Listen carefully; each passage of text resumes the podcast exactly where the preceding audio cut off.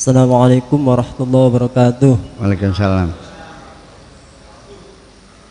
Eh, Buya kemarin kemarin-kemarin sering menjelaskan eh, tentang sistem kekebalan tubuh. Sistem kekebalan Tubuh. ya. Eh, sistem kekebalan tubuh kita eh, ketika ada virus atau benda asing yang masuk, ketika sistem kita kuat, maka eh, virus atau benda asing itu kalah akan menjadi nanah kalau nggak salah seperti itu bu ya. Mm, mm, mm, mm, Kalau virus yang menang kita akan sakit mungkin seperti itu. mm, mm. Terus eh, Buya juga menjelaskan setiap hari kurang lebih 18 miliar sel dalam tubuh kita Iya. rusak. Mm. Nah, pertanyaannya Buya, sel yang rusak itu menjadi apa Buya? Pengen tahu aja Buya. Itu aja. Assalamualaikum warahmatullahi wabarakatuh.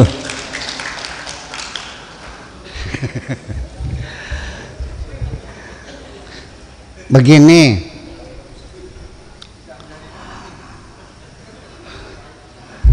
Kita ini kegiatan-kegiatan, aktivitas-aktivitas yang terjadi di dalam tubuh kita itu hanya sebagian kecil 5% atau dua setengah persen yang bisa kita sadari melalui otak sadar kita. Namanya al-aqlul wa'i akal sadar. Tetapi semua kegiatan fisiologi kegiatan biologi kegiatan anatomi dan sebagainya itu semuanya bekerja dikontrol oleh akal bawah sadar termasuk intuisi. Intuisi juga itu melalui bawah sadar. Inspirasi intuisi dan sebagainya. Itu bawah sadar. Yang kita yang dikontrol oleh akal sadar kita adalah yang physically ya kita mau eh, kita nanya jam berapa sekarang ya? Itu secara otomatis tanpa jeda waktu otak kita akan memerintahkan menginstruksikan tangan kita untuk men- menjulur dan mengangkat. Ah, lalu disuruh dipejet lalu mata kita suruh melihat. Sekarang jam 00,07 12 lebih 7 menit. Kita haus menggerakkan tangan. Itu saja. Tetapi rambut kita memanjang kita tidak terlibat dan di luar akal sadar kita udara panas keringat keluar. Kita tidak berusaha mengeluarkan keringat dia keluar sendiri. Mata kita ngantuk tertidur terus sendiri. Nanti kalau cukup juga bangun sendiri. Paham nggak? Jadi nanti kerja otak ini yang tidak sadar ini sangat luar biasa. Jadi artinya bagaimana aktivitas otak kita bekerja mengontrol kehidupan dalam diri kita ini andai kan HP ini ada di dunia berapa miliar? Katakanlah 5 miliar. Penduduk dunia 8 miliar. Katakan 5 miliar punya HP ini setiap saat saling berkomunikasi betul nggak? Berapa miliar komunikasi saya dengan Pak Rahmat Pak Rahmat dengan Pak, Pak apa namanya dengan Pak Moje Mang Moje dengan Mang Bun, seluruh dunia. Ini bermiliar-miliar. Koneksi hubungan antara satu sel otak kita dengan sel yang lain. 15 miliar sel dalam otak kita ini satu sel berhubungan dengan 15 miliar sel. Dan satu dengan 15 bayangkan kalikan saja 15 miliar dikalikan 15 miliar komputer yang kita pegang itu hanya mengadopsi cara kerjanya otak kita. Dan sampai sekarang banyak sel-sel otak kita yang belum terdeteksi fungsinya masih banyak sekali. Wah, well jadi pada akhirnya semua kegiatan kita itu semua dikontrol oleh oleh sel.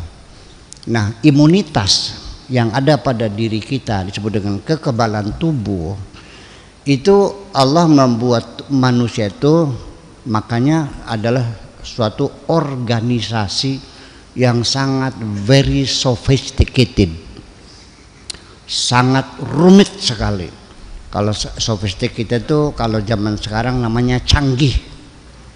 Sangat canggih sekali. Artinya makanya kita disebut dengan organ. Organ tubuh itu artinya satu jaringan organisasi yang sangat rumit bukan main. Artinya negara saja, yuk kita hitung lembaganya. Ada polisi nggak? Ada densus nggak?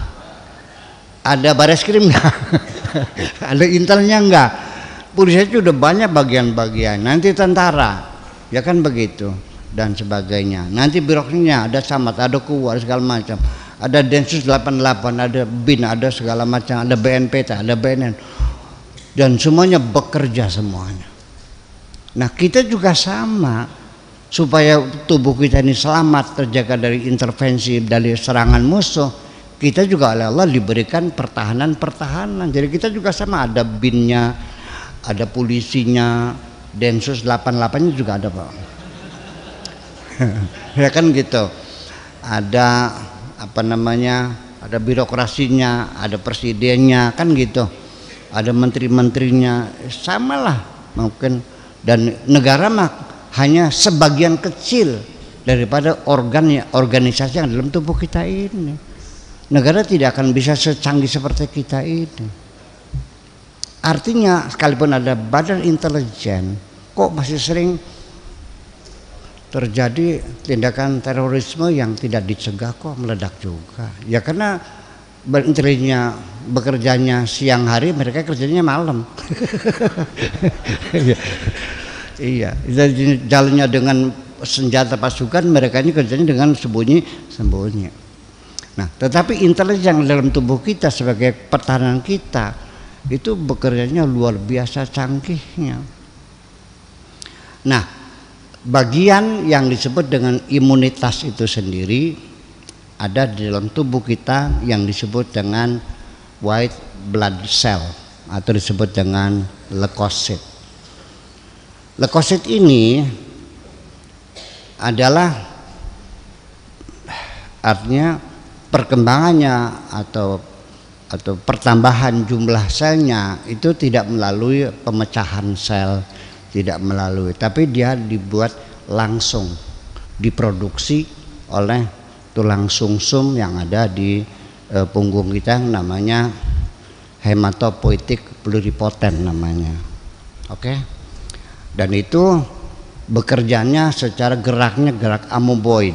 Amoeboid itu artinya dia bekerja dengan tidak melalui jalur nggak pada relnya ya bisa menembus dinding kapiler jadi bekerja nggak ada nggak ada sekat semuanya bisa bekerja bisa tembus tulang bisa tembus usus segala macam nah nanti di dalam uh, sel darah putih itu sendiri pertama kali ketika anda menjadi dokter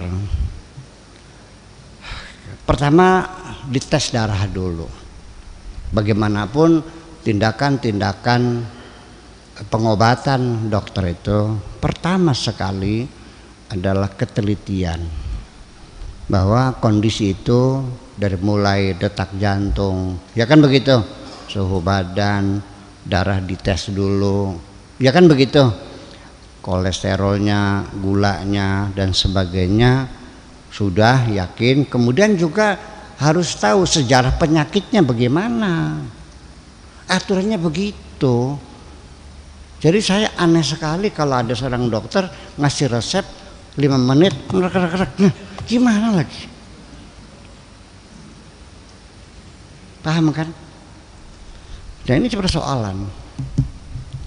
Bukan bukan ngeritik dokter enggak. Enggak? Nah ini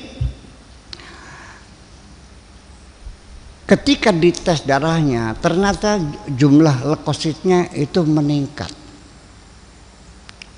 ya lebih dari 50 ribu per mili. Di dalam darah merah itu salah satu tetes darah merah itu ada sekian sekian puluh ribu 50 ribu sampai 80 ribu leukosit kalau jumlahnya tinggi sampai 120 itu berarti di dalam pasien itu ada infeksi. Karena secara otomatis ketika ada tubuh kita terinfeksi, maka jumlah leukosit akan bertambah. Paham dikit ke? Iya kita sistemnya canggih banget nih, luar biasa kan gitu. Nah ini nanti leukosit itu sendiri itu ada eh, sel-sel lainnya bagian kecilnya ada ada eosinofil, ada basofil, ada neutrofil, ada fagosit, ada segala macam gitu. Nah, katakanlah bahwa dalam kepolisian yang langsung menyerang musuh itu namanya Densus 88. itu namanya namanya itu fagosit dari kata-kata fagos artinya memakan. Bagaimana cara kerjanya fagus itu? Dia akan langsung uh, eosinofil pertama memberikan sirine dulu kepada uh, tubuh kita bahwa ada partikel asing, ada serpihan seluler, ada kuman, ada bakteri, ada virus yang masuk itu langsung sinyal itu berbunyi. Nah, itu makanya bahwa imunisasi itu diperlukan sebetulnya adalah tidak lebih memperkenalkan virus yang baru itu kepada sel darah putih kita ini. Nang titip ya, kalau nanti datang makhluk seperti ini, ini adalah musuh kamu. Makanya vaksin itu adalah virus yang dimatikan dimasukkan ke tubuh kita untuk berkenalan dengan sel darah putih kita itu. Paham nggak? Nah sebabnya kenapa orang yang tidak diimunis itu mudah kena penyakit karena ketika ada partikel asing, ada virus masuk, ini leukositnya pelanga plongo, nggak kenal. Jadi inter, apa namanya interogasinya kelamaan. Dari mana? Dengan siapa? Kadang-kadang sopan pisan. Keburu berkembang dulu. ini virusnya. Ya ini ini ini satu SKS ini. ya, gitu. Nah ini yang semacam itulah akhirnya ber, virusnya ber, berkembang maka terkenalah penyakit nah makanya tapi kalau sudah kenal begitu masuk nah ini dia ini virus ini ini virus ini bukan bakteri. Ini virus ini bukan ini virus langsung. Apa itu? Oh tuberkulosis. Wah langsung diserbu. Sudah kenal dulu kan begitu. Nah makanya ketika tidak ada reaksi tubuh kita diulang vaksinasi itu. Tapi kalau terjadi demam ya kan kemudian membengkak itu berarti kita sehat. Dan kita selesai. Nah, ketika itu ada partikel asing masuk, itu langsung yang setelah ada sirine, ada badan intelijennya, segala macam, dari situlah baru ya, yang meluncur menghadang eh, virus-virus itu adalah namanya fagosit. Fagosit itu bentuknya seperti